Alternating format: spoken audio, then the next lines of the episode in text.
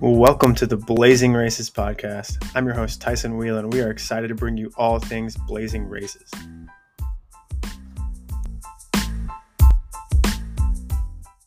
All right, welcome back to another episode. In this episode, we're going to be talking to Jonathan Bowen.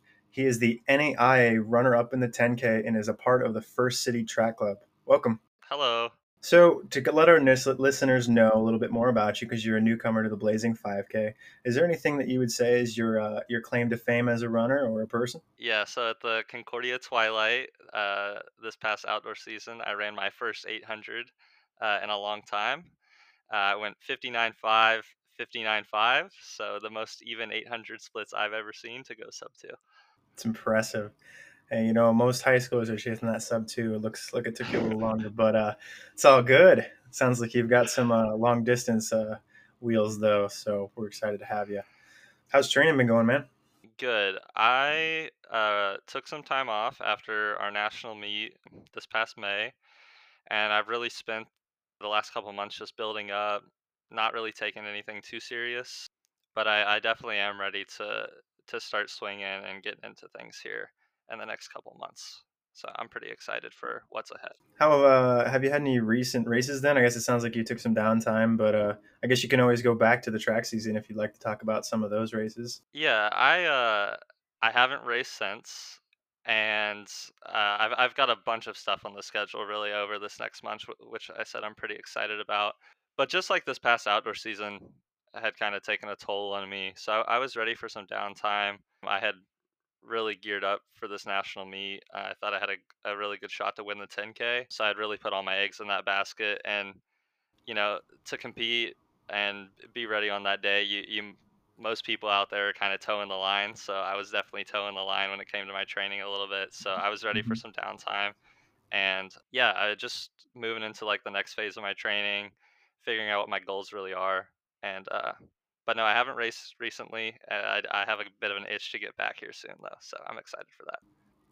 So you said you had some races on the schedule. Uh, anything in particular, or anything before the Blazing 5K you think is going to be the one you're aiming to see where the fitness is at? Yeah, this this uh, first week of September here, I'm going to run a cross country meet just uh, at my alma mater's home home meet, kind of see where I'm at, and then uh, the weekend after that, I am running the uh, Plaza 10K, which I, I think that's going to be my real see where I'm at kind of thing. So I'm I'm pretty excited for that. One of my club teammates, Christian, he's he's pretty fit right now, so I I am ready to see how I square up against him and and see where I'm at really.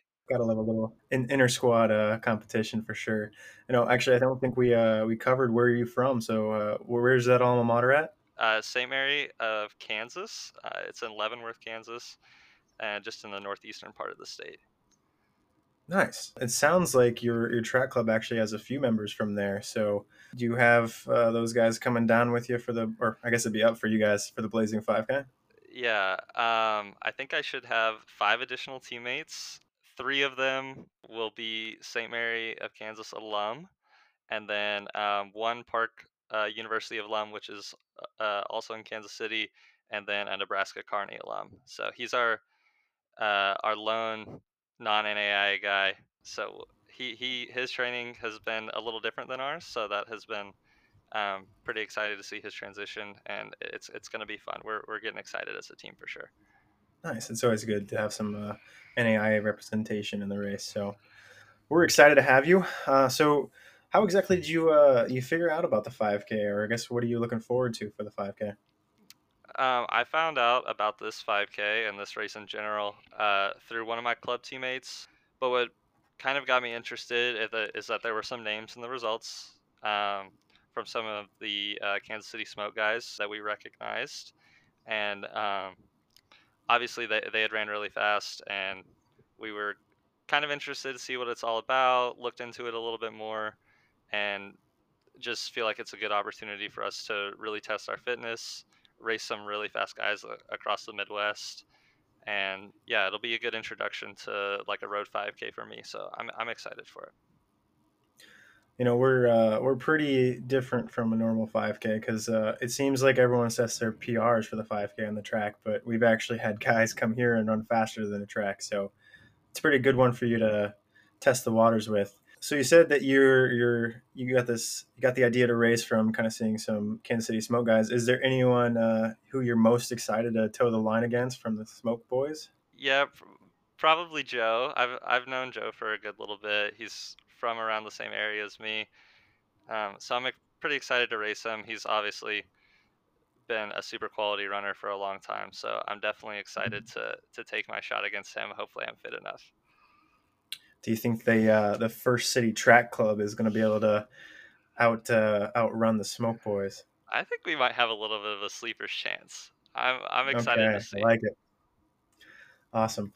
Uh, so with our race course, we have a 100% unique course where it's got uh, it's a figure figure eight, and the the first half of it we've got a back loop challenge. So this is usually for the guys with wheels. Not sure it's uh, going to be in your in your wheelhouse, but do you think if you're you're in that last moment, you know you can get a you know 100 bucks, a free pair of shoes? You think you're going to sprint to the line or play it safe? No, I, am a play it safe runner. I uh, okay. I'll be looking for the for the end game. But my club teammate Luke Skinner, uh, he's Ooh. ran 1410.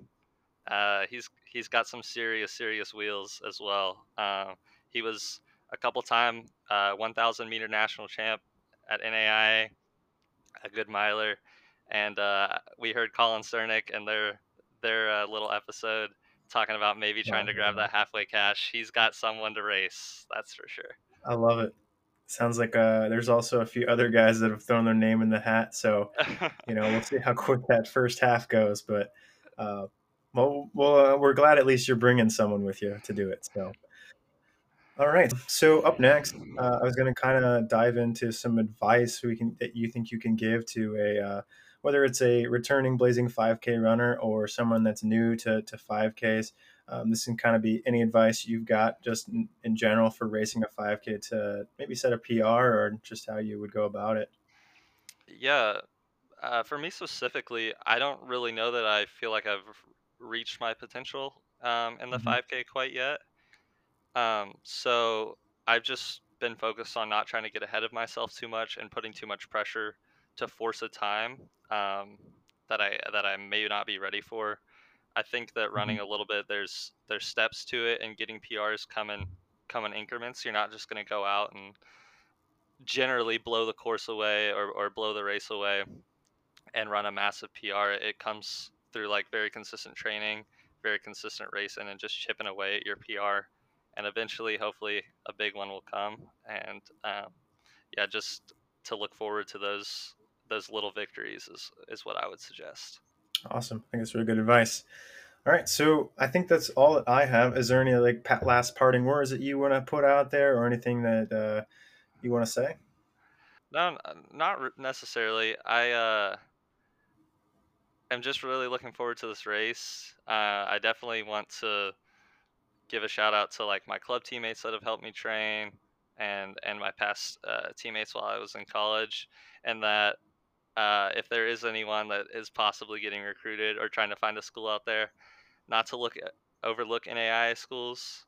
Um, there's plenty of opportunity there, and just because you don't go D1 doesn't mean you can't hang with the D1 guys.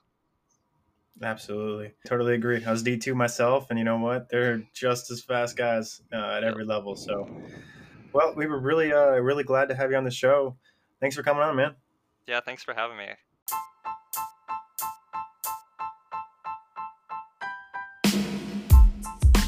Now, if you like this episode, go ahead and subscribe, share with your friends, and we'll see you out there.